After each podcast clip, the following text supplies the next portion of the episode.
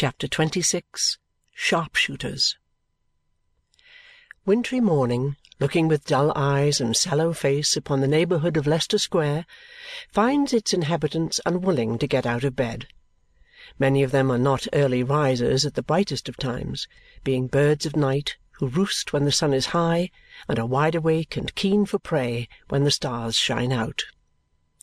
Behind dingy blind and curtain, in upper story and garret, skulking more or less under false names, false hair, false titles, false jewellery, and false histories, a colony of brigands lie in their first sleep. Gentlemen of the Green Baize Road, who could discourse from personal experience of foreign galleys and home treadmills, spies of strong governments that eternally quake with weakness and miserable fear, broken traitors, cowards, bullies, gamesters, shufflers, swindlers, and false witnesses, some not unmarked by the branding iron beneath their dirty braid, all with more cruelty in them than was in Nero, and more crime than is in Newgate. For howsoever bad the devil can be in fustian or smock frock, and he can be very bad in both, he is a more designing, callous, and intolerable devil when he sticks a pin in his shirt-front, calls himself a gentleman, backs a card or colour, plays a game or so of billiards, and knows a little about bills and promissory notes than in any other form he wears. And in such form Mr. Bucket shall find him, when he will, still pervading the tributary channels of Leicester Square. But the wintry morning wants him not and wakes him not. It wakes Mr. George of the shooting gallery and his familiar. They arise, roll up, and stow away their mattresses. Mr. George, having shaved himself before a looking-glass of minute proportions, then marches out, bare-headed and bare-chested, to the pump in the little yard, and anon comes back shining with yellow soap, friction, drifting rain, and exceedingly cold water. As he rubs himself upon a large jack-towel, blowing like a military sort of diver just come up, his hair curling tighter and tighter on his sunburnt temples the more he rubs it so that it looks as if it never could be loosened by any less coercive instrument than an iron rake or a curry-comb, as he rubs and puffs and polishes and blows, turning his head from side to side the more conveniently to excoriate his throat, and standing with his body well bent forward to keep the wet from his martial legs, Phil, on his knees lighting a fire, looks round as if it were enough washing for him to see all that done, and sufficient renovation for one day to take in the superfluous health his master throws off. When Mr. George is dry, he goes to work to brush his head with two hard brushes at once, to that unmerciful degree that Phil, shouldering his way round the gallery in the act of sweeping it, winks with sympathy.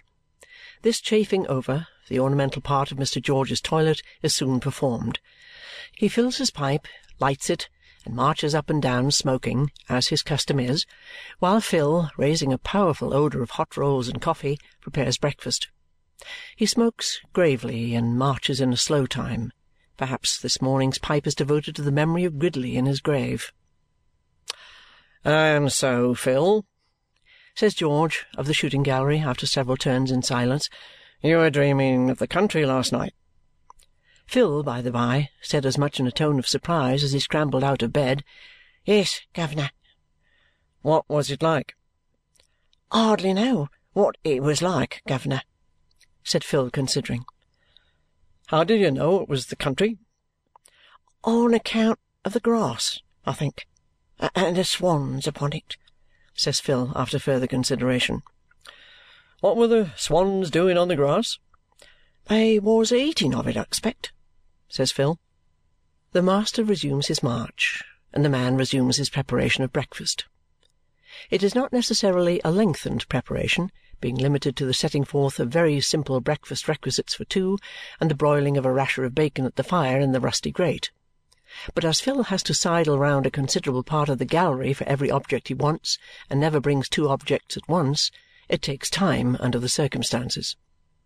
At length the breakfast is ready. Phil announcing it, Mr. George knocks the ashes out of his pipe on the hob, stands his pipe itself in the chimney corner, and sits down to the meal. When he has helped himself, Phil follows suit, sitting at the extreme end of the little oblong table and taking his plate on his knees, either in humility or to hide his blackened hands or because it is his natural manner of eating. In "the country," says Mr. George, plying his knife and fork.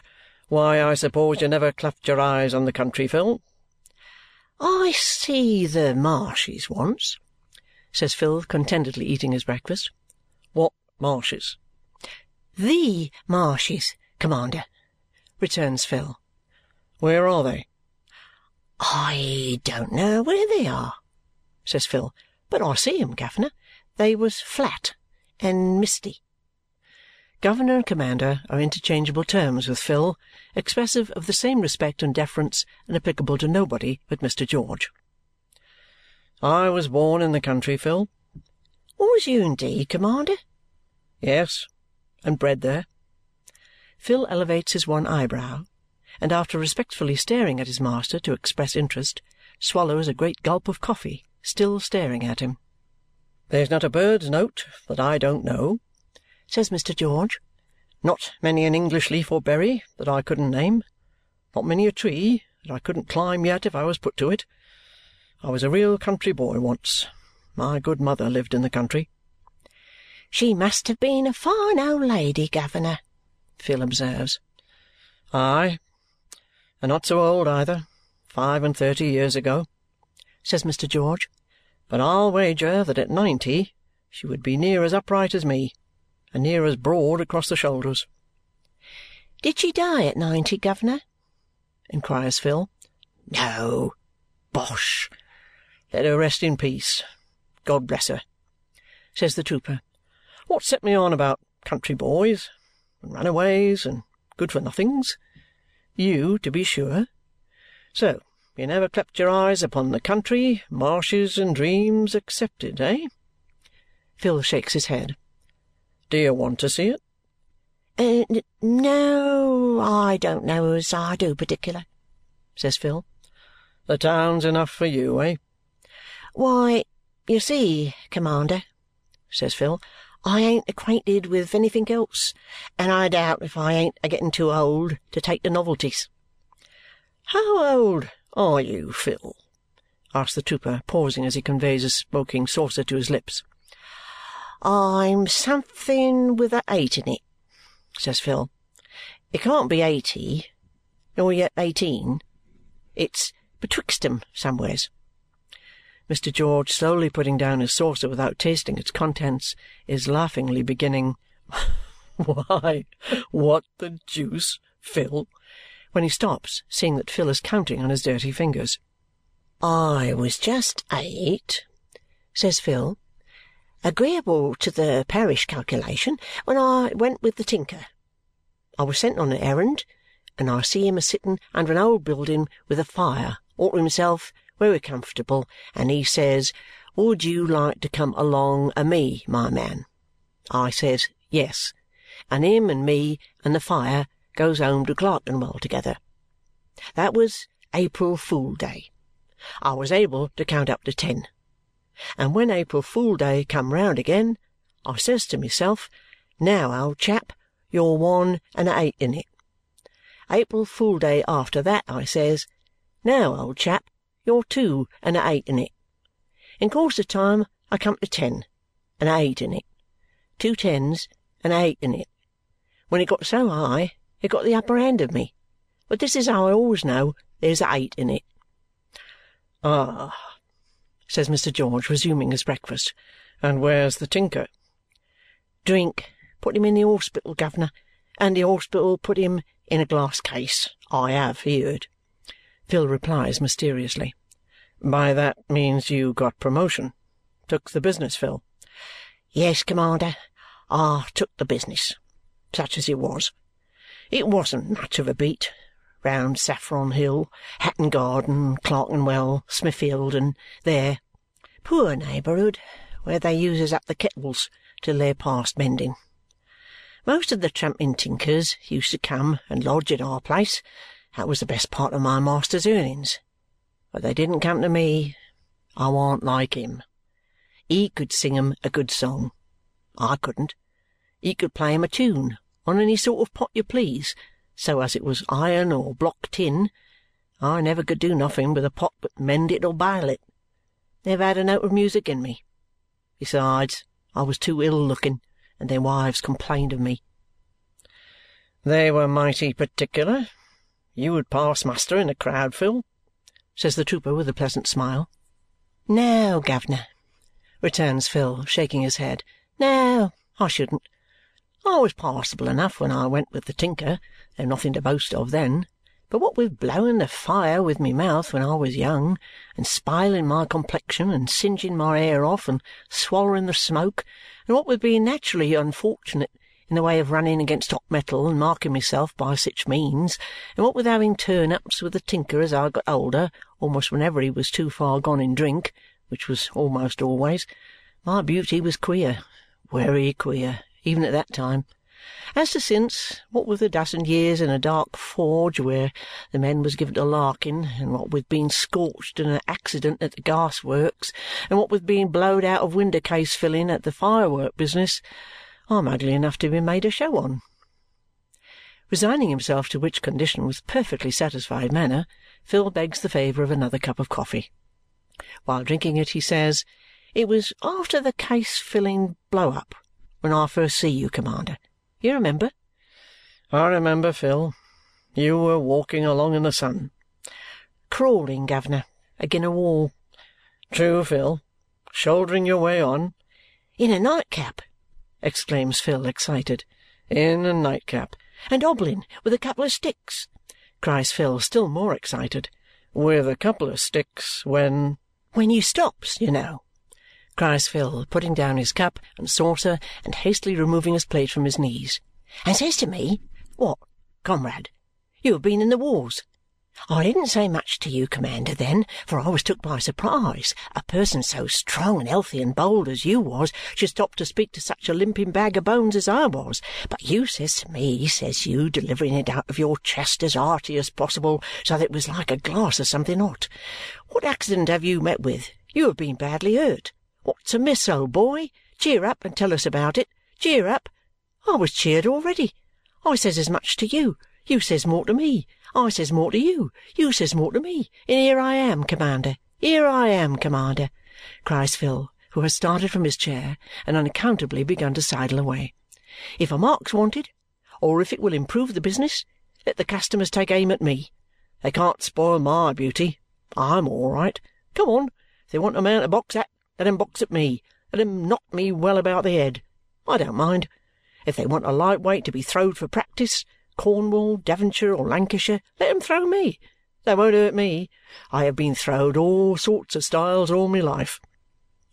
With this unexpected speech, energetically delivered and accompanied by action illustrative of the various exercises referred to, Phil Squod shoulders his way round three sides of the gallery and abruptly tacking off at his commander, makes a butt at him with his head, intended to express devotion to his service.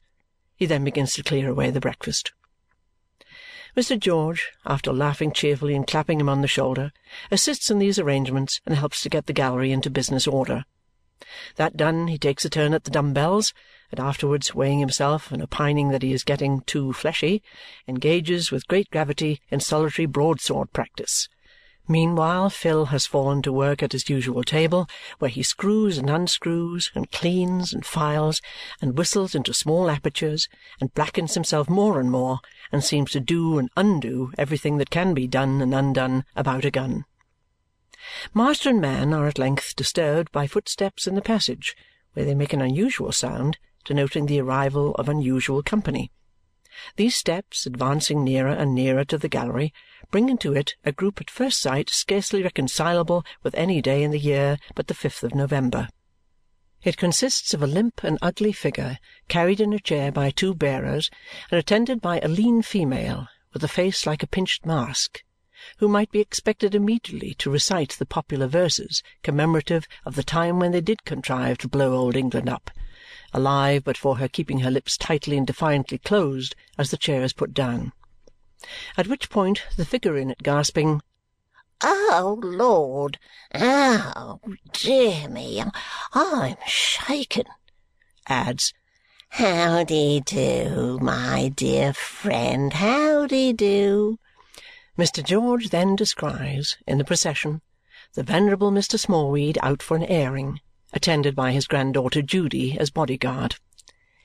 "Mr. George, my dear friend," says Grandfather Smallweed, removing his right arm from the neck of one of his bearers, whom he has nearly throttled coming along. How d'ye do? You're surprised to see me, my dear friend. I should hardly have been more surprised to have seen your friend in the city, returns Mr. George. I am very seldom out, pants Mr. Smallweed. I haven't been out for many months. It's inconvenient, and it comes expensive. But I longed so much to see you, my dear Mr. George. How-de-do, sir? I'm well enough, says Mr. George. I hope you're the same. You can't be too well, my dear friend. Mr. Smallweed takes him by both hands. I have brought my granddaughter Judy. I couldn't keep her away. She longed so much to see you. Hmm. She bears it calmly, mutters Mr. George. So we got a hackney cab and put a chair in it, and just round the corner they lifted me out of the cab and into the chair and carried me here that I might see my dear friend in his own establishment. This, says Grandfather Smallweed, alluding to the bearer, who has been in danger of strangulation and who withdraws, adjusting his windpipe, is the driver of the cab. He has nothing extra. It is by agreement included in his fare. This person, the other bearer, we engaged in the street outside for a pint of beer, which is twopence. Judy, give the person twopence. I was not sure you had a workman of your own here, my dear friend, or we needn't have employed this person. Grandfather Smallweed refers to Phil with a glance of considerable terror and a half subdued "Oh, Lord! Oh, dear me!" Nor in his apprehension, on the surface of things, without some reason. For Phil, who has never beheld the apparition in the black velvet cap before, has stopped short with a gun in his hand, with much of the air of a dead shot intent on picking Mr. Smallweed off as an ugly old bird of the crow species. "Judy, my child!" Says Grandfather Smallweed. "Give the person his twopence. It's a great deal for what he has done." The person, who is one of those extraordinary specimens of human fungus that spring up spontaneously in the western streets of London, ready dressed in an old red jacket with a mission for holding horses and calling coaches, receives his twopence with anything but transport, tosses the money into the air, catches it over-handed, and retires. "My dear Mr. George," says Grandfather Smallweed, "would you be so kind as help to carry me to the fire? I am accustomed to a fire, and I am an old man, and I soon chill. Oh, dear me!"